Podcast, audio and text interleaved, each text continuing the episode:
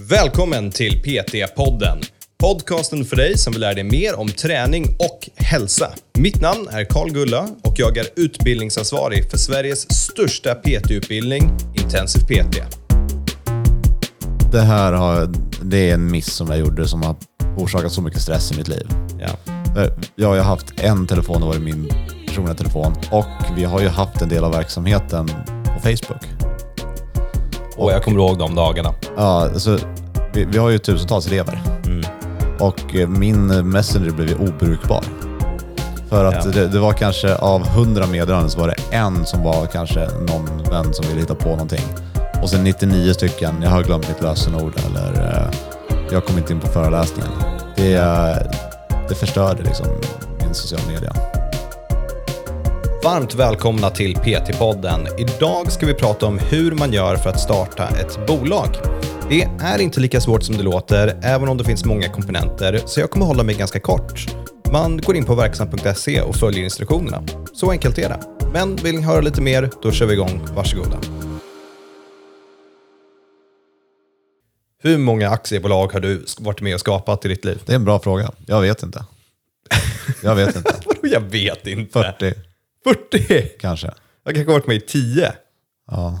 Ja, de, de flesta finns såklart inte kvar. De är liksom nedlagda eller sålda eller... eh, 40 ABS, det är, det är en del alltså. Det första jag gjorde när jag fyllde 18 var ju inte att gå på Systembolaget som alla andra, utan jag startade mitt egna bolag. Första jag gjorde när jag fyllde 18 det var att gå rätt till bolaget. Ihåg, min pappa var med och han pekade på mig och sa lägga honom, lägga honom, det var skitkul. Ja, alla ville sen- bli läggade också. Och sen gick jag och startade ett företag, typ två dagar senare. Då startade jag min enskilda firma, Gulla Fitness. Ja, det ha sina prioriteringar rätt. Ja, det skulle jag faktiskt vilja påstå var helt rätt prioriteringar. Och när jag är 18, det är ju fan bolaget är ju när man är 20. Är? Ja, hela din, jag, in- jag, jag har bara tagit in liksom samtal, eller den där storyn har jag hört tusen gånger, jag har bara tagit den för givet. Men bolaget är när du är 20. Ja, men det, ja, det var typ när jag var 25 som jag gick till Systembolaget första gången. Ja, Så ja och jag inser att min historia... Jag start, ja, också. Ja, det stämmer. Det var två år sedan att starta ditt bolag. nej, nej, nej, nej, det var att jag startade mitt bolag och sen två år senare fick jag dra till bolaget. Kanske.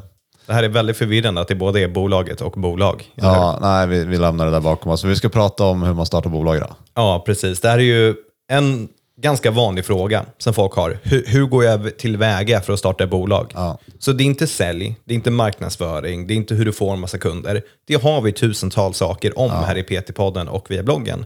Det här är bara rent tekniskt, svart på vitt, extremt tråkigt, men välbehövt om du faktiskt ska starta ett bolag. Hur gör du för att starta ett bolag?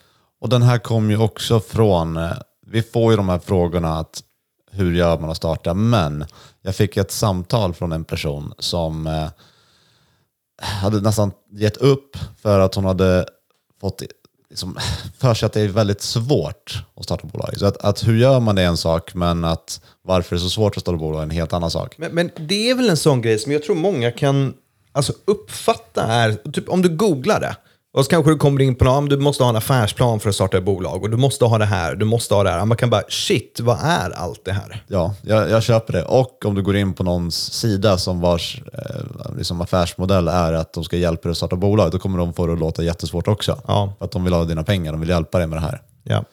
Men det behövs inte. Vad skulle du säga att hur lång tid tar det att starta ett bolag? Två, en, två timmar. Ja, Plus liksom, visst att du måste ringa banker och hålla på lite sådär, och det, det tar väl en liten stund. Men det, det, lägg undan en dag så har du allting gjort garanterat. ja.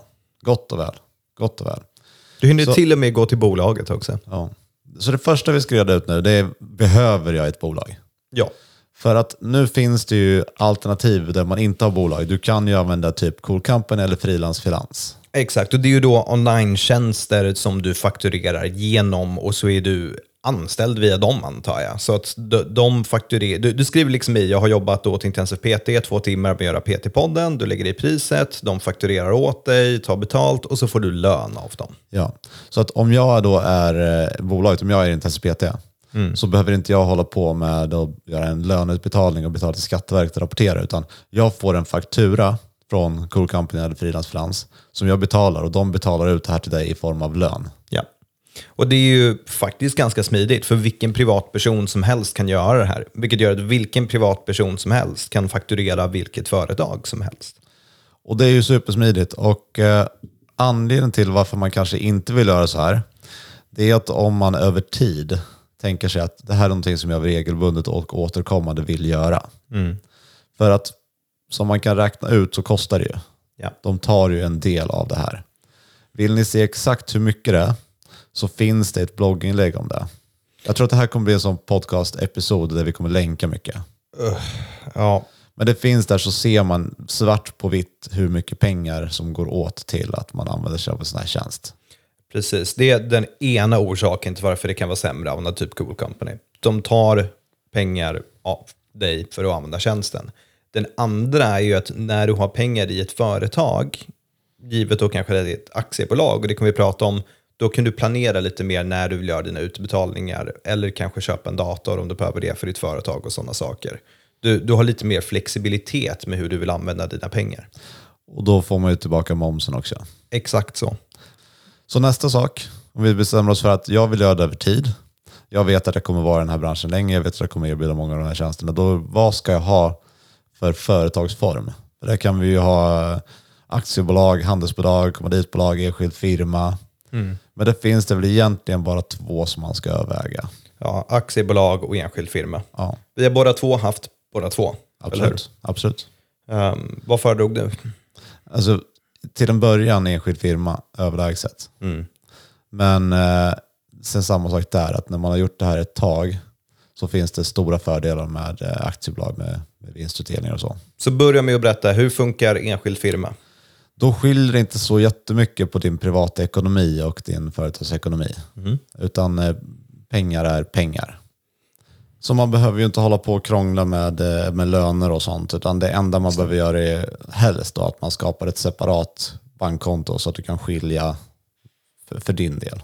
Det Just ska det. ju fortfarande skickas in en årsredovisning sen till Skatteverket. Så då är det enklare om du har separerat allting.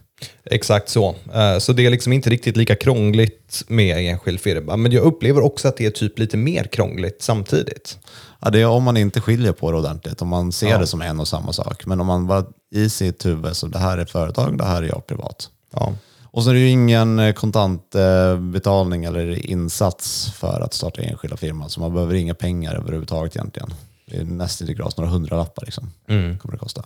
Men annars så skiljer de sig inte. För du kan fortfarande fakturera via en enskild firma. Du kan betala ut lön till dig själv via en enskild firma. Du Ja. kan, jag antar till en konsulter för att de kan fakturera dig via en enskild firma. Ha ett bankkonto. Så alla de grejerna, det är liksom samma sak. Ja, du får ingen vinstutdelning. Nej, Det får du inte.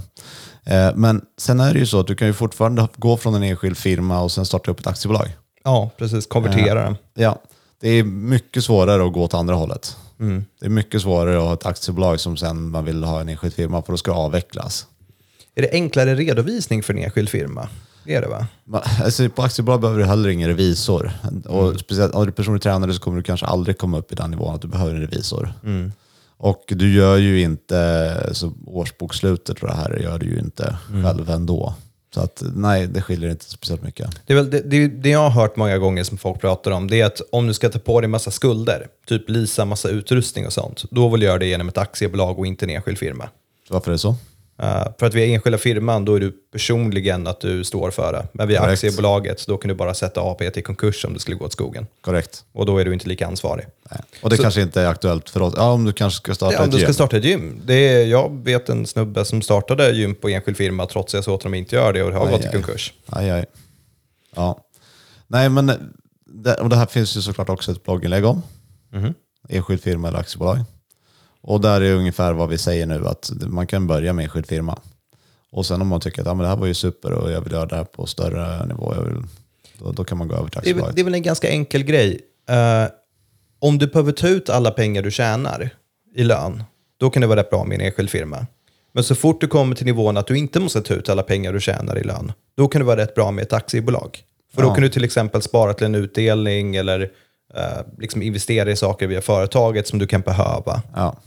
Så det är väl en ganska enkel tumregel. Ja, om du ska anställa Ja, så är det bra med ett aktiebolag det bygger upp det som kallas för K10 och det är utdelningsutrymme, så hur mycket pengar du kan ta ut lågbeskattat. kan du ens ha anställda vid en enskild firma? Oklart. Det tror jag faktiskt inte. Nej, jag vågar inte svara på det. Men ja, Nej, jag, det, jag, det, oavsett så ska man inte ha det. jag vågar chansa att man inte kan det. Ja, det, det kanske stämmer. Oavsett vad du väljer, enskild firma eller aktiebolag, Så hur går man tillväga? Man går in på verksam.se. Världens Startar bästa dem. grej. Ja, det är verkligen, ska du starta företag, sätt verksam.se som ett bokmärke och bli, och, och bli bekväm med att navigera runt på den sidan, för du kommer hänga där en liten stund. Och där är det så otroligt enkelt. Det är mer eller mindre klickar. Måste vi länka till verksam.se också i Det tror jag att folk jag tror. kan. Nej, men du klickar på starta bolag och sen klickar du på vilken typ av bolag. Ja. Och sen får du en jättesimpel guide. Ja, det är ganska enkelt. Ja. Och i den här guiden, det, här kan man också nämna att det är en skillnad på enskild firma och aktiebolag. För du behöver ha en styrelse, du behöver ha representanter som är med i ditt aktiebolag. Du kan inte vara helt ensam där. Mm. Så du får sätta mamma eller eh, morbror eller så. Ja, där brukar vi ju bara välja random familjemedlemmar. Ja.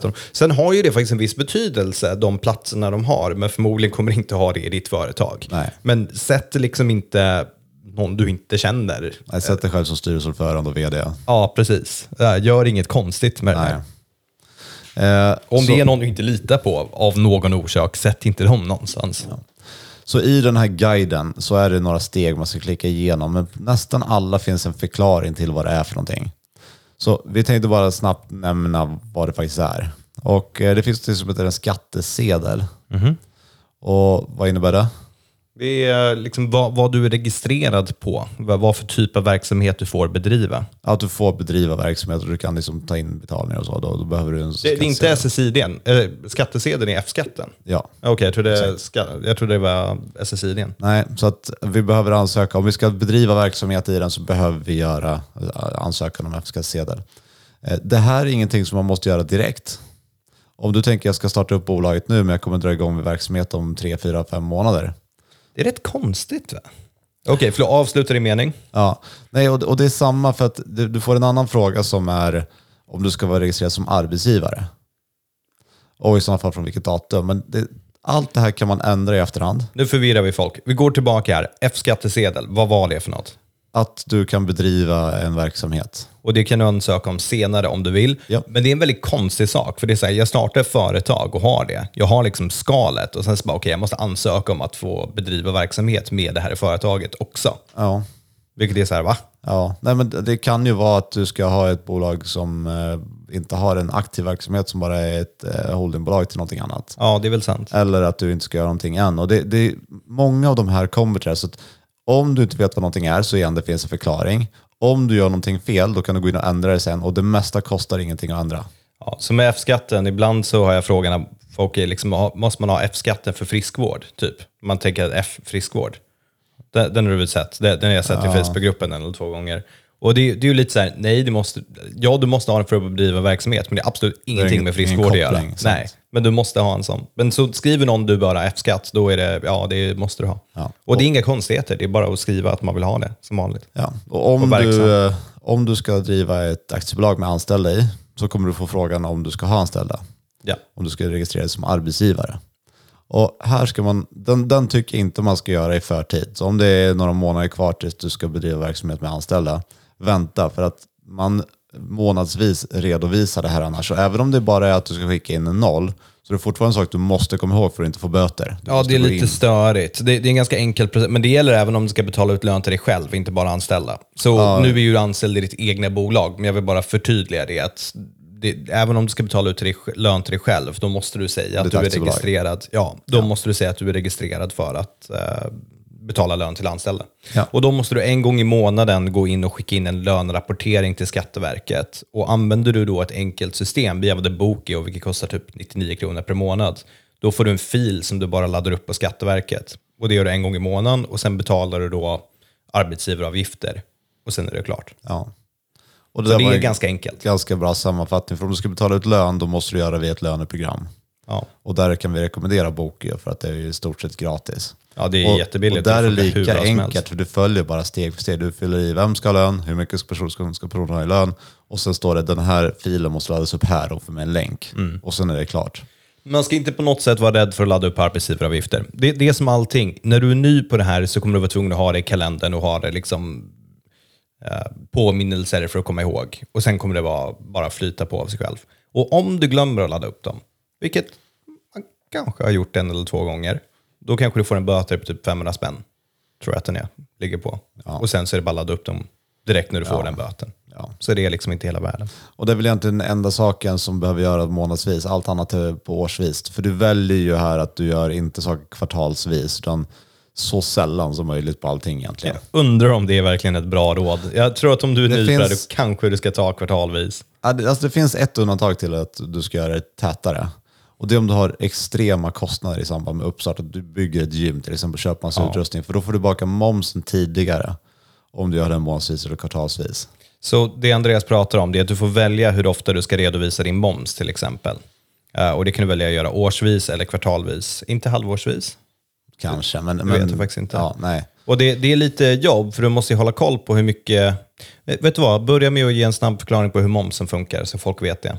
Så jag kvittar utgående och ingående moms varje månad. Som jag har betalat totalt sett 25 000 i moms. Eh, så jag har köpt saker och 25 000 är det- det är moms.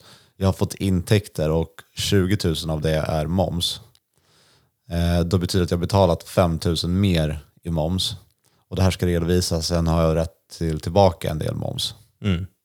Så att om jag då har startat ett bolag och spenderat eh, 10 miljoner kronor med eh, 25% moms, då är det 2,5 miljoner kronor och jag har förmodligen inte fått speciellt mycket intäkter. Då kan jag få tillbaka de pengarna, för jag vill förmodligen ha dem i verksamheten. Mm, och där är också varför typ, kö, om, om du behöver utrustning i ditt AB, så du behöver en dator, så är det förmodligen smartare att köpa den via företaget för att du får dra momsen. Istället för att köpa den som privatperson med pengar du har skattat på för lön också. Ja. Och, men där, just det här fallet så behöver man kanske inte ta tillbaka de tusenlapparna direkt. För att det här Nej. är ju en process att lämna in den här redovisningen, så det vill man bara göra en gång per år. Jag, jag tänker snarare, lå, låt oss säga så här, för momsen är ju enkelt att skicka in den, du kan göra den via ditt bokföringsprogram, men låt oss säga så här, har du väldigt dyra kostnader, gör den kvartalvis, eller vet du av att du inte kommer att ha koll på dina papper, gör det kvartalvis för att tvinga dig själv. Ja. eh, och hålla koll på det varje kvartal. Vet du av att du har bra koll, gör det årsvis för att då slipper du lägga tid på det varje, ja, varje kvartal. ja. För det här är ju ingen som tycker att det här är det roliga i att driva ett företag. Nu har vi hoppat över en punkt. Eh, med aktiebolag. Det kostar ju 25 000 kronor att starta ett. Men det kostar inte det. Precis. Det är ju, du får ju tillbaka, eller de pengarna pengar. stoppas ju in i aktiebolaget, men då går de in dit istället. Men det är värt att veta Ja. att du behöver 25k över. Det behöver sitta för att de ska veta att du har pengar. Ja, så ett sätt att göra det på, det är hela det här som vi pratar om, gå in på verksamt registrera. Ett annat, det är att köpa ett skalbolag. Ja. Förklara hur det funkar. Det går fortare, då är det någon annan som har startat bolaget redan. Allt är klart. Och så skrivs det över på dig och det brukar kosta 3 och 7.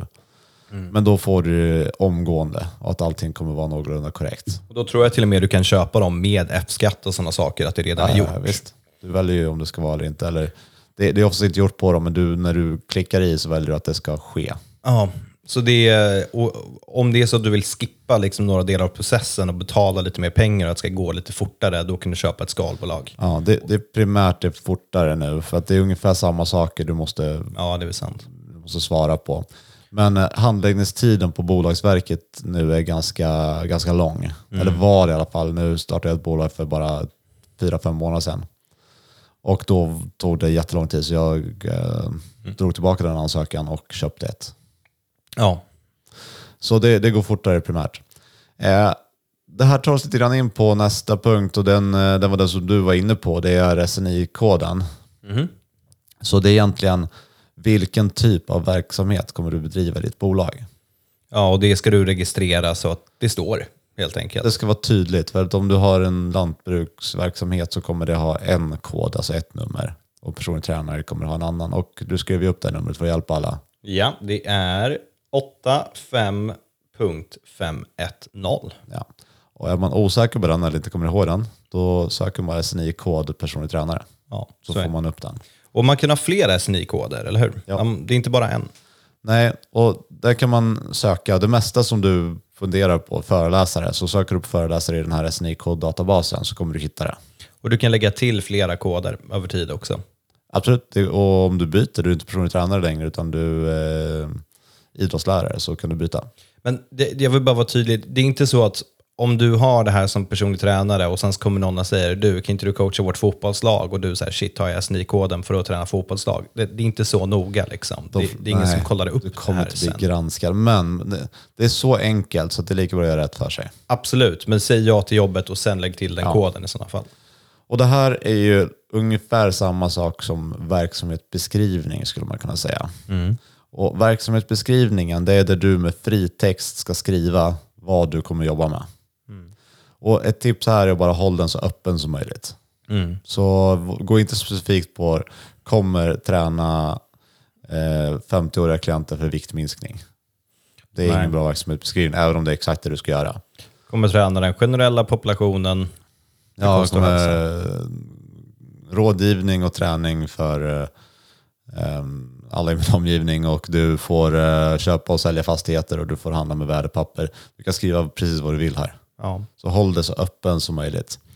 Sen med de här sakerna, om du fyller i någonting som blir lite, lite tokigt, så antingen så, så kommer någon bara höra av sig till dig, eller så kommer du komma på det sen när det är dags att göra någonting annat. Du kommer också ombes skriva in vad förväntar jag mig för omsättning. Mm. Och det brukar vara på respektive SNI-kod. Så om jag personlig träning är en av dem, så hur mycket kommer sätta här? Och då gissar ni bara, ta inte för mycket, ta bara 50 000 kronor kanske. Eh, och sen så om du har lantbruksverksamhet så 10 000 kronor så får du fylla i den också. Så att den totala omsättningen, att de vet ungefär hur mycket de förväntar sig. Det här är bra podcast för alla de där PT slash lantbrukarna där ute. Ja, bra för er att veta. Eh, så där har vi i stort sett allting som har med eh, bolagsuppstarten att göra. Ja, och allt det finns på verksam.se. Ja. Eller om du köper ett skalbolag. Men det är, det är inte komplicerat. Det är nytt, men det viktiga är att inte försöka... Jag, jag tror så här, folk får ju panik när de går in. De bara, ah, det är så mycket saker jag ska klicka och välja. Men det är bara att läsa det i lugn och ro så är det fine. Ja, precis. Steg för steg med förklaring. När jag startade mitt första bolag, då skulle du skicka in en sak till Skatteverket, en sak till Bolagsverket, en sak till Patent och registreringsverket och i, ingen av de här myndigheterna pratar med varandra kändes det som överhuvudtaget. Så då var det jobbigt. Men nu är det så, det, det, det skulle ta mig 20 minuter att sätta upp ett nytt bolag. Ja, jag håller med. Och det är, um, kan, kan du följa ett recept eller skruva ihop en, följa instruktioner från Ikea Möbel, då kan du starta ett bolag. Inga problem. Ja. Så det där är den tekniska biten. Nu, nu ska vi gå igenom lite mer saker som man kanske kan vilja ha eller behöva då i sådana fall. Jag snarare måste ha många av de här sakerna. Ja, förvisso. Så vi har ju, du behöver ett företagsbankkonto. Oavsett vad du har. ha, Ja. ja. och det är för, att- så du kan ta betalt. Pengarna måste ju komma någonstans. Och där är det väl bara att enkelt prata med din bank och gör det under processen av att du startar företaget. Säg jag vill ha företagskonto. Och där, det går ofta bara att göra online nu för tiden också. Ja. Om Moderna du vi låter. är eh, nöjd med den bank du har så kan det vara ett tips att eh, prata med just den banken. Och sen när man har gjort det ett tag så brukar man få en person som har koll på både privatekonomi och företagsekonomi som är din bankman. ja. Och det här är någonting som man verkligen vill för att om du går till en person som bara jobbar på privatsidan och inte har insikt i din eh, företagsekonomi då kan det vara svårt med, med sådana saker som lånelöften och sånt. Ja, det, så här, det är väldigt mycket enklare bara när du får en person på båda. Ja. Nu vet jag att många banker har avvecklat den typen av tjänst eh, och håller på att avveckla det, vilket är så jävla dåligt för att all lojalitet till banker försvinner. Men det är ett annat avsnitt. Ja. Nej, men gå, gå till den bank som du har redan och, om du är nöjd med den och säg att du vill bara ha ett företagskonto. För det är inte svårare än att du loggar in samma bank-id, samma allting, men det är liksom ett separat konto bara. Och då, då är det egentligen när du startar företagskontot så är det två saker som du behöver, eller förmodligen kommer vilja ha. Det ena är ju självklart ett konto och det andra är ett bankgiro slash plusgiro. Och bankgirot, det är ju bara så folk vet, det är när du någonsin har betalat en faktura, då skriver du ofta in ett bankgiro eller plusgirokonto.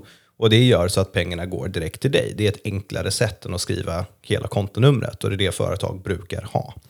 Och det är ganska smidigt. Det är snarare det, för att om du skulle betala en faktura och det står ett kontonummer, då skulle du, vad är det här för Det ser konstigt ut. Men det är egentligen det enda. För det handlar på samma konto. Det här bankgironumret eller postgironumret, det är ju bara knutet till ett bankkonto. Exakt. Så det pengarna hamnar på samma ställe. Men det är en sak Det du vill ser ha. bättre ut. Och, och det kostar ingenting. Alla de här bankerna har ett företagspaket med massa annat, eh, förmodligen majoriteten onödigt, men då betalar det som några kronor i månaden. Så får du ett bankgironummer. Ja, och förmodligen vill du ha ett kort också, om du ska dra någonting. Det är bättre att ha än att inte ha det. Så that, that's it med bankkontosidan. Uh, när det gäller försäkringar så finns det ju olika egenföretagarförsäkringar. Alltså som ansvarsförsäkring, så att om du skadar någon och du blir stämd så kommer ansvarsförsäkringen ta det. Eller Eh, Ibland är olycksfallsförsäkringar med. Det, det finns lite olika där. Kort och gott behöver du inte ha någon om du inte vill ha det. Men det kan vara värt att kolla upp någon försäkring som du tycker känns relevant för dig. Det finns ingen jättebra försäkring för just personliga tränare. Typ, eh, det folk tänker sig är att min kund skadar sig och de får bra hjälp. Alltså en sån typ av försäkring, det finns ju inte riktigt. Eh, så då är det oftast egenföretagarförsäkringar som man tecknar. Och jag, jag tycker att det kan vara vettigt att bara ta någon som man tycker är bra. Och där har vi ju ett helt separat poddavsnitt om just försäkringar. Så det blir ju någonting som vi länkar till också i show notesen. Och, ett bra blogginlägg om det. Jag kommer inte ihåg om det är poddavsnitt eller Ja, om det, det bara är ett blogg, det är ett blogginlägg. blogginlägg. Jag vet inte om vi har poddavsnittet, men vi länkar till det i alla fall. Ja, absolut. Det är att ta på mig detektivhatten och researcha försäkringar. Det kan behövas. Alltså, kolla upp först vad du behöver. För ringer du ett försäkringsbolag och frågar vad du behöver, då kommer du få tio gånger Ja. vad faktiskt behovet är. Ja, läs den här bloggposten bara Ja. innan du ringer dem. Sen finns det en eh, som jag inte tror att du nämner i det här blogginlägget och det är det kan finnas ett försäkringskrav om du ska starta eget till exempel. Om du ska skriva på ett hyreskontrakt så behöver du kanske ha brandskydd i din försäkring. Ja. Samma sak om du ska ha lån eller kredit eller så i bolaget så brukar det behövas en försäkring också. Ja.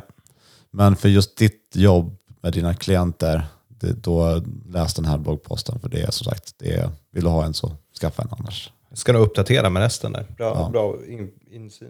Um, bokföringsprogram.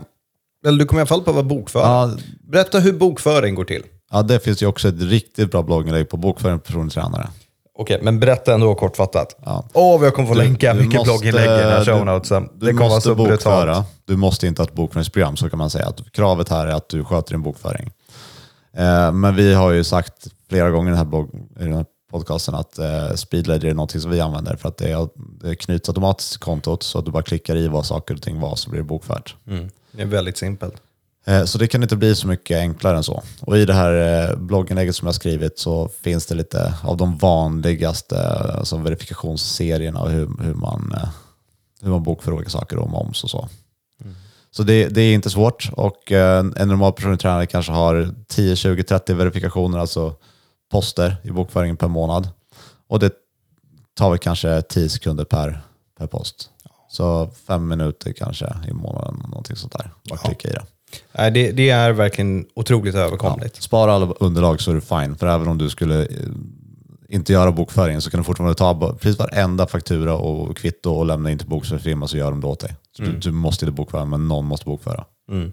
Och gör inte som Andreas och samla ihop allting i olika papperspåsar. Utan ha något sorts system. Ja, det är bäst. Fy fan vad jag kommer ihåg de gångerna du dumpar stora svarta sopsäckar och säger ja, nu är det bokföring en vecka framöver. Ja, ja nej det var, det var tider, men eh, sen, eh, jag, jag hatade bokföring så mycket så jag bara inte gjorde den. Och så fick jag betala för det i slutet på året. Men jag har växt upp. Ja, Jag har insett att det var inte det bästa sättet att göra det på. Det var därför jag hatade det. Så nu är det faktiskt löpande. ja. Nej, du sköter det. Du är jätteduktig. Och, och bara ha allting i en Google Drive är också väldigt, väldigt smidigt. Typ januari, februari, mars och så vidare och ladda upp det där. Så du har allting på en backup. är rätt nice. Nu går vi in till, det där var must have. Ja. Ska vi gå tillbaka till nice to have? Ja. Eller gå vidare till nice to have? Ja. Du skrev en telefon. Ja, jag, tycker, jag tycker att det är en bra grej. Och då är det inte själva telefonen i sig, utan det är ett abonnemang. Nummer. Ja. Så att du kan stänga av den och be världen dra åt helvete. ja. Ja. Det här har, det är en miss som jag gjorde som har orsakat så mycket stress i mitt liv. Ja. Jag har ju haft en telefon, det var min personliga telefon. Och vi har ju haft en del av verksamheten på Facebook. Och jag kommer ihåg de dagarna. Ja, alltså, vi, vi har ju tusentals elever. Och eh, min Messenger blev ju obrukbar. För att Ja. det, det var kanske av hundra meddelanden så var det en som var kanske någon vän som ville hitta på någonting. Och sen 99 stycken, jag har glömt mitt lösenord eller eh, jag kom inte in på föreläsningen.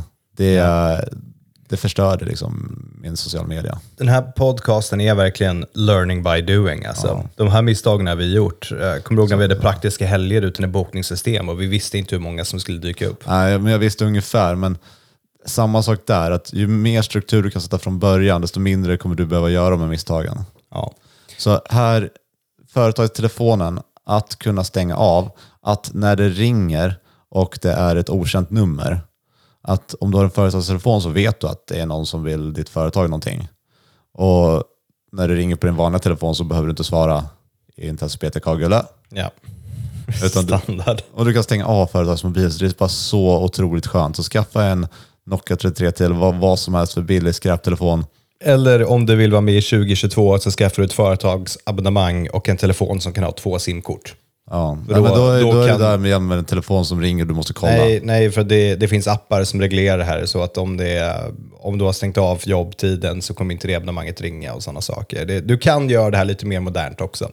Eller skaffa en Nokia 3310 så du kan spela Snake samtidigt som du jobbar. Det är, också det är min- otroliga min good times. Ja, det är faktiskt min med. Eh, Så det är företagsabonnemang slash telefon. Ja. Absolut, superviktigt. Och Eh, även under kontaktinformation, om du e-mail, ge inte ut din vanliga personliga e-mail. Det, det kan bli samma sak där. Helt plötsligt så får du en klient som mejlar fyra, fem gånger om dagen. Då kan det vara skönt att på helgerna, du behöver inte ens öppna den mejlen då. Nej, det är, och det, återigen där, det är väldigt enkelt att skapa en egen e-mail. Det är bara att googla, köpa en domän, skapa en e-post och skapa den. Ja. Eller kör en karlpt.gmail.com om du vill. Men jag tycker inte det ser snyggt ut. Jag, jag tycker att det är bättre att ha en slash eller at di, liksom ditt varumärke.se. Ja, håller med. Och den går ju i nästa kategori här som är hemsida som vi ska prata om. Mm. Nice to have. Ja, och om du behöver det, om du bedriver en typ av verksamhet som behöver en hemsida. Och folk tror ju att hemsidor är svårt att starta, men det är det inte. Nej. Här har vi både flera stycken blogginlägg och en eh, episod, eller till och med två episoder av PT-podden som handlar om hemsida för personlig tränare. Ja, jag kommer ihåg en i alla fall där det är, gör inte det här på din hemsida. Ja. Så den, eh, den tycker vi att man ska ha. Mm. Av eh, massa olika anledningar. Och då kan man knyta e-postadressen dit. Ja, vi, vi, använder, vi, vi använder Squarespace ganska mycket och vi har ju testat de flesta. Det är ett ganska enkelt program för att starta upp en hemsida. Och om inget annat, välj bara en vanlig, tem, vanlig template som finns och sätt upp informationen så är det klart. Ja. Och därigenom kan du köpa och äga domänen också om du inte vill strula till det. Ja. Uh, så händer och då därutav din egen företag vd. Um, Paypal, alltså hur du tar betalt kan ju vara relevant. För du kanske inte alltid bara vill ta betalt via bankgiro. Du kanske vill göra andra sätt också. För fa- faktura är ju inte super.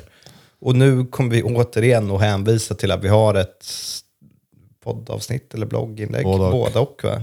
Eh, där vi pratar om hur du tar betalt och bra sätt att ta betalt på. Så som vanligt så länkar vi till den i show notesen. Ja. För vi vill ge våra framtida klienter möjligheten att impulsköpa saker. Mm. Att de bara kan gå in och beställa någonting. Och sen vet man aldrig vad man vill ha för verksamhet. Man kanske vill sälja separata bootbuilding-program eller så. Och det, kommer inte vara med personlig kontakt. Det måste ske.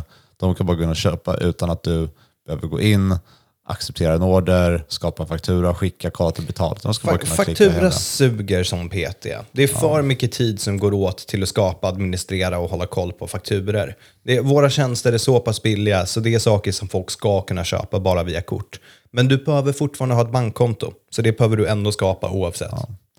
Och eh, sen tror jag att om du säljer via konsultationer så är det lättare att folk skriver under ett avtal som sen blir en faktura, men du pratar inte ens om betalningen. Ja. Än att leda dem till en dator och säga fyll i dina kortuppgifter här. Ja. Så på konsultationerna, speciellt de större paketen, så är det bättre att de bara skriver under ett, eh, ett avtal. Håller med, håller med. Eller att de får en e-post sen som promptar dem att lägga in sitt kort. Och om de inte gör det, då får de faktura. Men Paypal till exempel kostar ju ingenting att sätta upp. Nej, Och kan, du kan bara skapa en knapp som du har på hemsidan, så det är superenkelt. Eh, reklam slash sociala medier. Så beroende, på något sätt, hela punkten här är att du behöver få in leads. Oavsett om du jobbar som PT online eller inte så behöver du få in leads. Och här så vet jag inte exakt vilket inlägg vi ska länka till, men du behöver göra reklam för din verksamhet och du kommer behöva få in sociala medier. Ja. Um, och eventuellt typ eh, reklam via Instagram, Facebook, Google och så vidare. Här har vi en hel bok som heter marknadsföring, eh, digital marknadsföring. Då länkar vi e-boken Digital marknadsföring. Ja. Och den är gratis. Och du behöver inte ens uppge en e-postadress för att ladda ner boken. Det är bara att gå in via länken och ladda ner. Ja, men punkt vi vill få fram här är att du behöver tänka på hur du ska få in klienter. För att även om två, tre personer har kanske kommit till dig och frågat om de kan träna med dig, så ska du inte tro att det är så du kommer bli fullbokad som PT. Eller att det ens kommer komma någon till, för det kan inte du förutsätta. Utan du måste synas, du måste göra någonting för att få in de här koncentrationerna och PT-timmarna. Jag, kommer länge, jag, kan, jag kan redan nu komma på typ tre bloggposter jag skrivit om hur du får kunder utan att få reklam, som jag kommer länka in här. Ja. Så det kommer vara så många länkar i show notesen, hörni. Det blir en del. Men de är bra. Alltså det, det är värdefull content. Och det är så här, funderar du på att starta ett företag, ta en halv dag och lyssna och läs igenom allt det här materialet så att du har en plan först. Ja. Det kommer hjälpa dig. Eh, sen har vi ju ehm, vad, vad det är för skillnad beroende på vad vi ska ha för verksamhet. Om du ska köra online PT eller öppna ett gym, tänker du? Till exempel. Ja. Eller om du ska kyra in dig som PT på ett gym till exempel. Ja. Jag är inte helt säker på vad vår poäng var vid det här, men jo, det var det. Det, var, det är ungefär samma sak. Um, alltså, oavsett vilken typ av verksamhet du ska bedriva så kommer du förmodligen behöva ungefär samma sak, vilket är allt ovanstående. Ja. Allt vi har pratat om. Så det, det spelar liksom ingen stor roll. Ska du leasa massa utrustning, definitivt ett AB. Annars kan du köra på en enskild firma till en början, om du vill. Ja. ja, det här blev ett avsnitt som eh, handlar väldigt mycket om att länka ut så att man kan läsa vidare. Men vi har ju också några saker som du och jag inte pratar om. Det är kanske för att du och jag inte gör så mycket av det. Och det är till exempel eh, en, en marknadsundersökning. Ja, Och vi pratar inte om det för att vi inte gör det. För att ofta så är det så här, visst du kan göra en marknadsundersökning, det betyder mer eller mindre att du skickar ut till alla människor du hittar och kollar om de är intresserade av att köra personlig träning och vad de är beredda att betala i sådana fall. För att då vet du ungefär hur många behöver jag kontakta för att få en klient och vad kommer snittpriset vara. Men väldigt ofta inom business är det så här att en del av de produkterna som du eh, säljer vet inte personen att de behöver. Du måste tala om för dem att de behöver det. Och personlig träning tycker jag absolut är en sån grej. Så frågar du någon, har du tänkt att skaffa personlig tränare? Nej, de flesta vet inte vad det är och varför det är bra. Så då kommer de säga nej. Men om du istället sitter med en koncentration på dem så kommer majoriteten faktiskt vilja ha personlig träning sen. ja. Och de vet inte heller vad saker och ting kostar. Och det kan låta dyrt med personlig tränare för att de vet inte vad de får för det. Så de kanske säger att nej, 90% är intresserade, de är intresserade av att betala 100 kronor i timmen, de som vill. Så att marknadsundersökningar, nej. Inte om du, har, eh, om, om du ska sälja liksom, eh, mat i området, om du ska öppna en ICA-butik, absolut. Se vad det finns för underlag och var den ska ligga och så. Men inte om du säljer en produkt som folk inte har 100% koll på. Och, och det är ju samma sak med en affärsplan, vilket du kanske du behöver skapa för att skaffa ett bankkonto. Att du behöver bifoga en affärsplan till exempel. Och där är affärsplanen ju bara en övergripande beskrivning av din verksamhet och hur den ska bedrivas. Det är en väldigt bra tankeprocess att gå igenom och göra det här. Men då komma ihåg att det är en chansning. Det är inte på något sätt satt i sten att du måste göra så här eller att det förmodligen är bäst att göra så här. Det här är vad du tror just nu är din strategi. Och det vet banken också när du skickar in den. Så lägg mindre tid. Att, det låter så dumt, men lägg mindre tid på affärsplanen och mer tid på själva verksamheten. Ja, om det är om någon ska investera eller om du ska få lån eller någonting sånt där så vill de se hur, hur kommer pengarna tjänas tillbaka. Men jag har aldrig sett en affärsplan som faktiskt har hållit. Och så här, ja, jag ska sälja 20% av alla intäkter kommer komma från företagsföreläsningar, 30% kommer komma från PT online och 5% kommer komma från eh, generell verksamhet.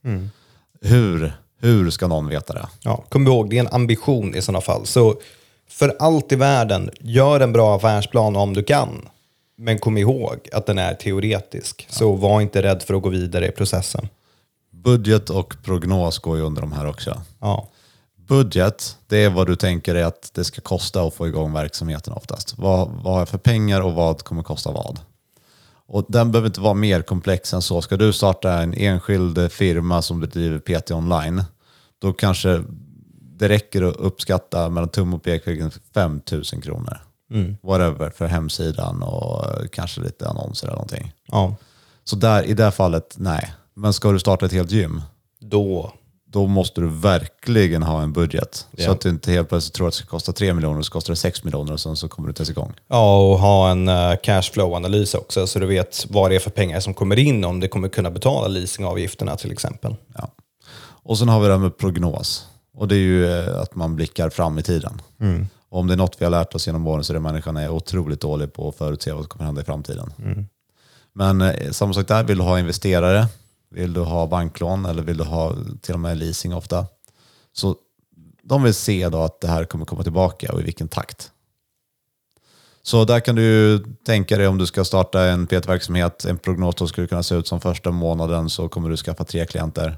Efter två månader kommer du åtta klienter. Efter tre månader kommer du ha tolv klienter. Och sen så visar du i siffror där hur mycket hur mycket pengar det motsvarar.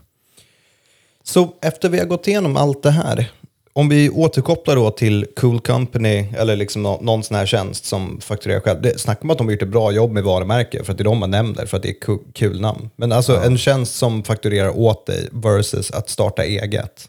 Det låter som att det är mycket att göra här, men det är faktiskt inte det. Det är helt överkomligt. Nej. Och även om det här avsnittet blev långt så har vi ju gått in och förklarat många av delarna också. Vi skulle ju kunna göra avsnittet på tre minuter. Oh, ska vi göra det? Ge, ge, ge, mig, ge mig en summering, ge mig tre minuter. Tre minuter. Ja, där har du checklistan. Jag, jag startar tiden nu, 56.00. Okej, du ska starta ett aktiebolag. Du går in på verksamt.se, väljer starta bolag, väljer aktiebolag, klickar igenom hela den här listan. Eh, sen efter den så kontaktar du din bank, säger att du vill ha ett eh, bankkonto uppsatt. Eh, och sen så eh, är du i stort sett klar. Ja, du kanske ska söka om F-skatt och momsregistrering Ja, men det är ju också. i den här. Det är ju Okej. det man gör. Och SNI-kod och allt sånt. Men that's it. Ja, det var inte ens tre minuter, det var 20 sekunder. Ja, om, om minst det. Men, eh, och det här kanske vi vid något tillfälle kommer kunna göra. Vi sätter ju upp bolag hyfsat regelbundet. Mm. Så vi kanske kan spela in vår skärm någon gång när vi gör det och klickar igenom alla stegen och har en voiceover som visar, Ja. pratar om vad vi gör. Ja. Och eh, ja, om någon här ska fundera på att starta upp ett bolag, då kanske ni kan höra av er till oss så kanske vi kan filma och hjälpa er med. Filma när du sätter upp bolaget. Ja. Ja, så hjälper vi dig att sätta upp bolaget mot att vi får filma. Så Andreas har fortfarande inte ett företagsnummer, så lägg till honom på Facebook, Andreas Hurtig, och skriv där. Och hans privatnummer är 073. Nej, men mej- mejla till eh, support.intensivpt.se i sådana fall, så lyfter vi upp det. Ja. Där har ni den hörni. Lycka till! Och är det så att ni startar ett eget bolag, hör av er om hur det går. Eh, Vi vill jättegärna vara med och stötta. Och har ni frågor om någonting, hör av er. Super. Lycka till! Ha det bra.